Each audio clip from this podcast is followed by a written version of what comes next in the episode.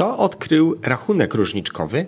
Przez ostatnie 300 lat między matematykami toczyła się debata na temat tego, komu należy się palma pierwszeństwa za wynalezienie rachunku różniczkowego, który zmieni nasze podejście do inżynierii. Sir Isaacowi Newtonowi czy Gottfriedowi Wilhelmowi Leibnizowi. Strony tej debaty podzieliły się głównie geograficznie, to znaczy angielscy matematycy opowiadali się za Newtonem, a kontynentalni europejscy matematycy stali po stronie Leibniza. Dowiedz się więcej o wojnie o rachunek różniczkowy, nawet jeżeli nigdy w życiu nie brałeś udziału w lekcji różniczek i całek. W tym odcinku wszystko wszędzie. Zapraszam.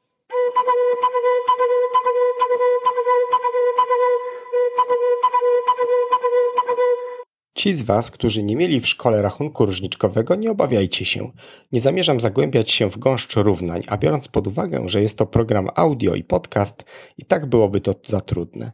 Rachunek różniczkowy składa się z grubsza z dwóch części: rachunek całkowy i rachunek pochodnych. Są one powiązane ze sobą w podobny sposób, w jaki dodawanie powiązane jest z odejmowaniem, a dzielenie z mnożeniem.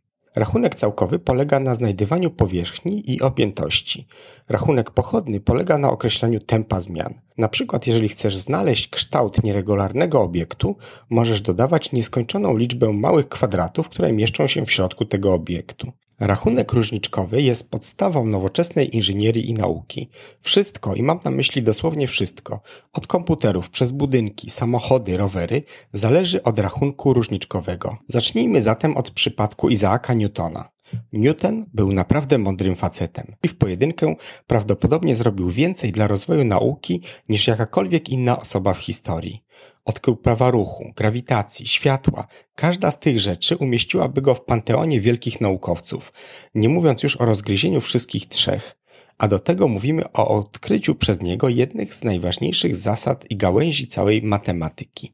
Praca Newtona rozpoczęła się, gdy miał 23 lata i pracował nad problemami z dziedziny fizyki. Aby rozwiązać te problemy, musiał opracować system matematyczny, który mu by towarzyszył. System, który wynalazł, nazwał fluktuacjami. W 1671 roku napisał książkę zatytułowaną Metoda fluktuacji, w której opisał swój system. Problem dla współczesnych polega na tym, że Newton nigdy nie opublikował swojej pracy.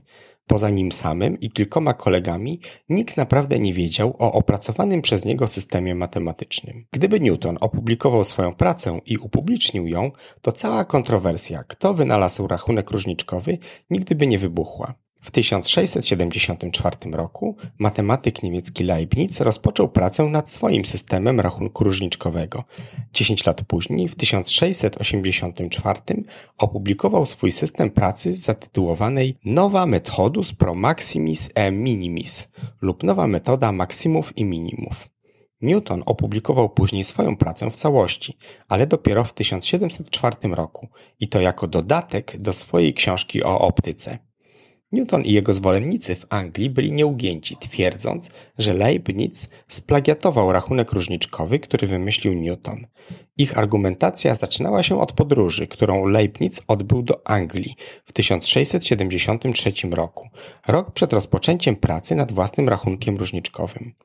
Nie spotkał się on osobiście z Newtonem podczas swojej podróży, ale spędził czas z dwoma jego współpracownikami z Królewskiej Akademii, Henrym Oldenburgiem i Johnem Collinsem, a podczas podróży mógł się dowiedzieć z drugiej ręki o tym, co robił Newton w zakresie rachunku różniczkowego.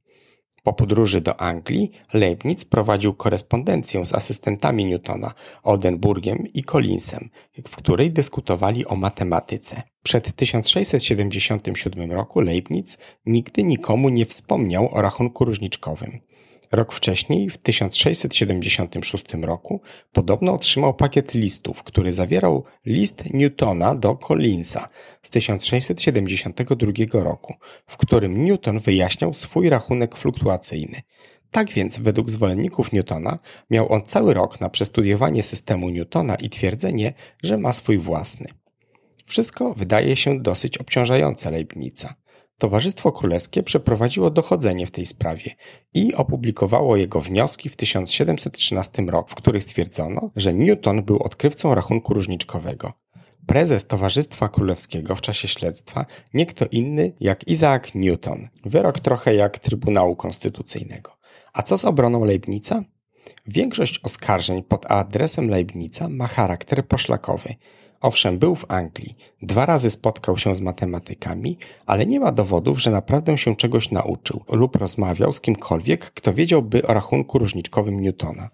Poza tym, podczas swojej pierwszej podróży był dość młody i nawet nie rozpoczął poważnej nauki matematyki nie ma tak naprawdę gorącego uczynku i złapania za rękę. Listy, które Leibniz otrzymał od swoich kolegów z Anglii, w których wspominano o rachunku częściowym, były w większości przeglądami i nie zawierały żadnych szczegółów. Co więcej, system opracowany przez Leibnica różnił się od tego, którym posługiwał się Newton. Tak, rdzeń był ten sam, bo matematyka jest taka sama, ale opracowany przez Leibnica system notacji był znacznie łatwiejszy w użyciu niż ten wykorzystywany przez Newtona. I ten właśnie system Leibnica stał się późniejszą podstawą rachunku różniczkowego, którego używamy do dzisiaj. Naukowcy tak naprawdę nie znaleźli żadnych dowodów na to, aby nawet insynuować, że Leibniz ukrył pomysł Newtonowi. Gdyby sprawa trafiła do sądu, mogłoby być wystarczająco dużo podejrzeń, aby wnieść sprawę, ale nie wystarczająco dużo, aby skazać. Można więc udokumentować, że Newton na pewno najpierw rozgryzł system różniczkowy, ale nigdy nie powiedział o tym światu, ani go nie opublikował. Leibniz odkrył swój system później, ale na pewno go opublikował, podczas gdy Newton nie. I nie ma dowodów na to, że przejął tę ideę od Newtona. Gdyby ktoś miał udowodnić, że tak było, ulepszyłby rachunek różniczkowy Newtona, aby stworzyć system, którego używamy do dzisiaj. Dzisiejszy konsensus w tej sprawie jest taki, że obaj panowie opracowali rachunek różniczkowy niezależnie od siebie. To jednak nie koniec tej historii. Możliwe, że ktoś odkrył rachunek całkowy przed którymkolwiek z nich, na długo przed którymkolwiek z nich. Większość dzieł pisanych z okresu starożytnego zaginęła w historii. Pożary, takie jak Biblioteki Aleksandryjskiej i inne wydarzenia z biegiem czasu spowodowały, że zdecydowana większość dzieł z odległej starożytności zaginęła. Co jakiś czas odnajduje się taki dokument na nowo. Jeden z wielu takich dokumentów został odkryty kilka lat temu – Został on wymazany ze stron starożytnego bizantyjskiego manuskryptu, aby zostać wykorzystany na nowo jako pergamin do modlitewnika, ale dzięki nowoczesnym technikom możliwe było odczytanie pierwotnego tekstu. Książka nosi tytuł Palimpsest Archimedesa i zawiera jedno z zaginionych jego dzieł w odkrytej sekcji manuskryptu, wykorzystanego jako strona później w modlitewniku, znajduje się sekcja zatytułowana Metoda twierdzeń mechanicznych, w której Archimedes opisuje, jak obliczyć pole zakrzywnionych kształtów za pomocą techniki, która bardzo przypomina to, co obecnie nazywamy rachunkiem całkowym. Wymyślił, jak obliczyć powierzchnię za pomocą nieskończonej liczby małych, coraz mniejszych trójkątów – Technika ta była bardzo ograniczona w stosunku do czegoś, co mogła zrobić. Nie był to w pełni rozwinięty system rachunku różniczkowego.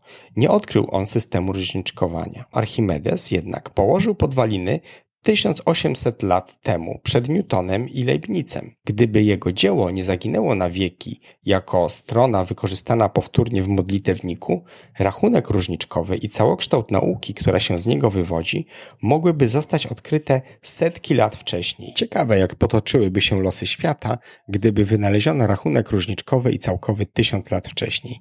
Pozostanie to na zawsze w sferze naszej domysłów. Dziękuję za wysłuchanie i uważajcie na matematyce. Bądźcie ciekawi.